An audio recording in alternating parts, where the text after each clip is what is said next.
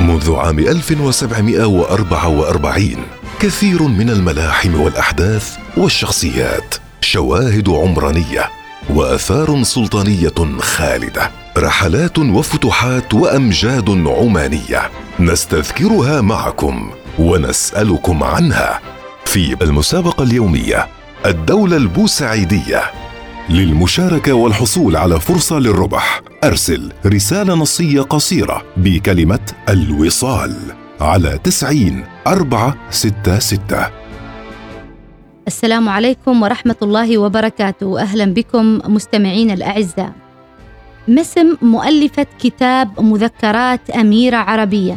سالمة أو سلمى أو إيميلي هي إحدى بنات السلطان سعيد بن سلطان سلطان عمان وزنجبار وملحقاتها كما كان يخاطب في المراسلات المتبادلة معه.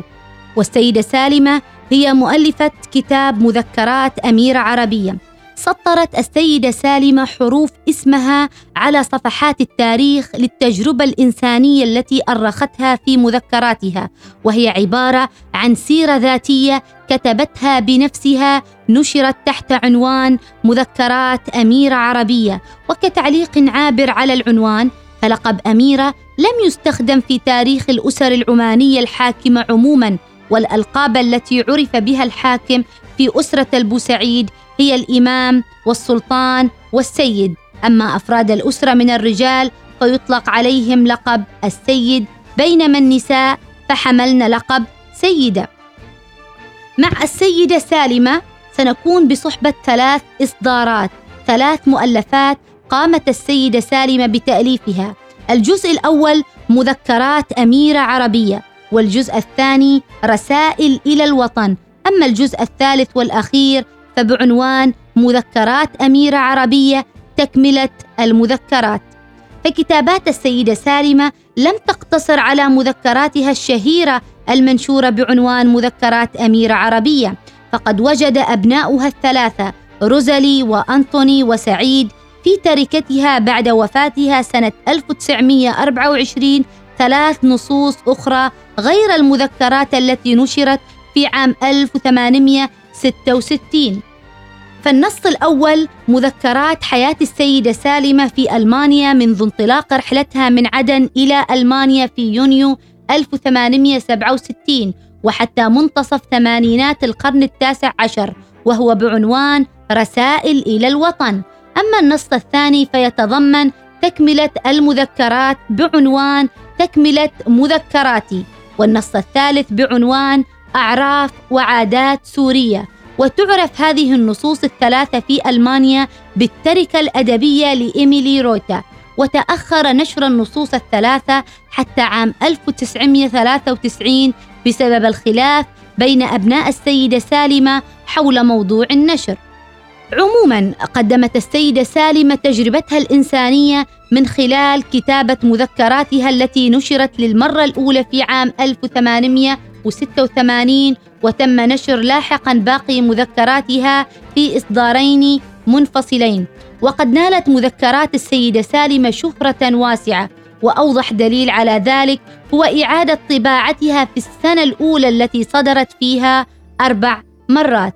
وبالعودة إلى مذكرات السيدة سالمة فهي حافلة بالكثير من المعلومات التاريخية وليس من المبالغة القول بأن مذكراتها ما هي إلا تاريخ كتب من شاهد عيان لفترة تاريخية مهمة من تاريخ عمان وزنجبار وملحقاتها.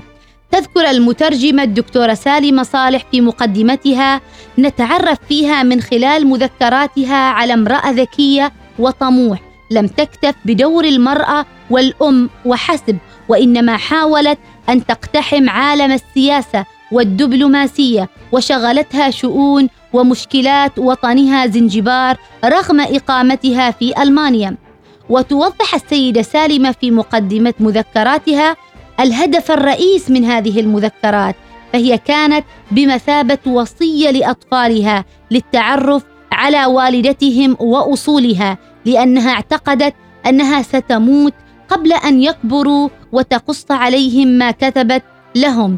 فتقول السيدة سالمة لم أكتب مذكراتي للنشر وإنما لأطفالي الذين أردت أن أترك لهم كوصية حبا اموميا صادقا ولكنني قررت بعد أن حاول أكثر من شخص إقناعي أن أنشرها أخيرا. استطاعت السيدة سالمة في مذكراتها التأريخ لجوانب مختلفة من تاريخ الأسرة البوسعيدية وتقديم تجربتها ليس فقط الإنسانية وإنما كذلك علاقتها بالقوى الاستعمارية الألمان والإنجليز من خلال سعيها للحصول على حصتها من ميراث والدها ومن توفي من أهلها في زنجبار والتي من خلالها اماطه اللثام عن جوانب دقيقة من أطماع القوى الاستعمارية في تلك الفترة الزمنية.